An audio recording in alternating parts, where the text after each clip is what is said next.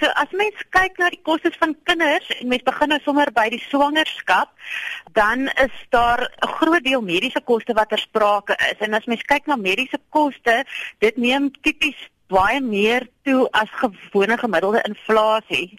As ons kyk oor die laaste 20 jaar dan was inflasie so 6%, maar mediese inflasie sien ons is tipies 5% hoër, so sien maar 11% oor dieselfde tyd.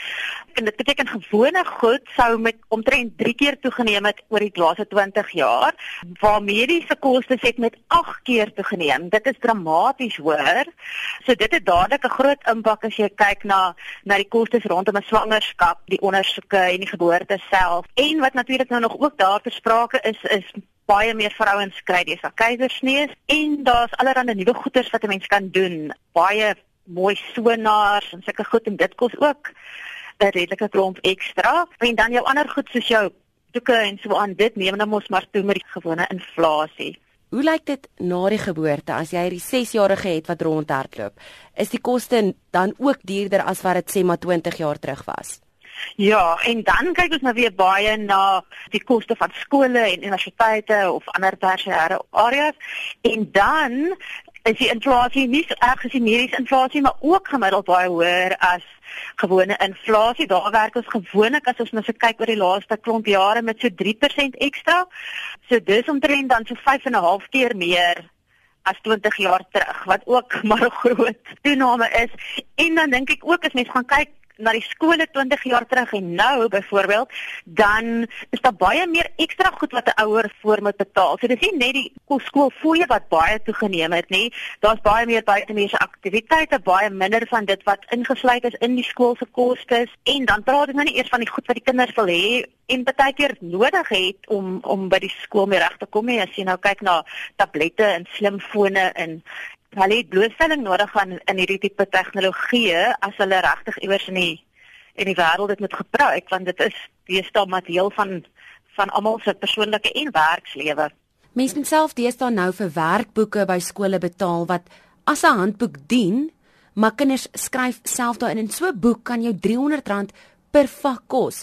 En as mense dit nou moet maal met hoeveel vakke daar is en dat een elke semester verander, dit raak onbekostigbaar veral as jy nie so baie geld verdien nie. Ja, nee, want selfs vir skole waar skoolfooie nie noodwendig betaalbaar is nie, moet die ouers nog steeds die handboeke, die skoolboeke, die skryfboeke alles self betaal. En dit is 'n klomp geld waarvan 'n mens praat. Kyk in die begin van die jaar is maklik R500 wat jy uithaal om net vir die kinders al die potloode in skryfboeke en goed te koop wat hulle nodig het. En 20, 30 jaar terug was dit goed wat jy by die skool gekry het. Jy het weet nie nodig gehad om jou eie skryfboek saam te vat skool toe nie.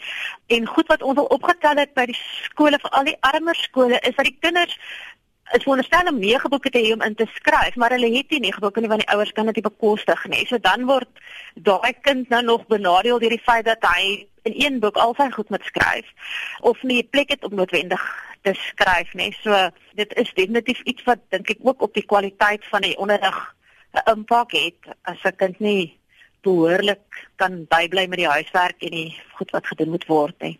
Maar dan nou as 'n adviseur dan, sal jy dan voorstel of die advies gee dat mens wel in vandag se tyd moet kinders hê, maak dit finansiëel sin? Ja, ja, dis 'n moeilike dis 'n moeilike vraag. Ehm um, Ek dink nog steeds 'n mens moet kostes of kinders hê. Ek dink 'n mens moet baie versigtig met jou geld werk as jy kinders het. Kinders hoef ook nie alles te hê nie en ek dink 'n mens moet begin sny aan ander goederes. Jy hoef nie noodwendig die wêreld se duurste vakansie te hê nie. 'n Mens kan gelukkig as jy kinders het as 'n gesin baie lekker goeder saam doen wat nie noodwendig baie geld kos nie. En veral as jy buite kom en 'n bietjie rondloop, um, is dit net goed vir die gesondheid, nie? Dis dit kos ook sommer minder geld. So ja, ek dink nie die geld is iets wat 'n mens moet stop nie. Ek dink as mens jonk is, moet jy baie mooi jou sommetjies doen voor jy besluit om te begin met 'n gesin en verkieslik maar 'n bietjie spaar dat 'n mens daarom net so 'n bietjie voorkom. En da, ja, dan moet mens maar dink oor jou prioriteite. Ek dink dit dit is maar met enige uitgawe belangrik om te verstaan waaraan wil jy graag jou geld spandeer? Wat is vir jou belangrik? As dit belangrik is om kinders te hê, dan dink ek maak mens maar 'n plan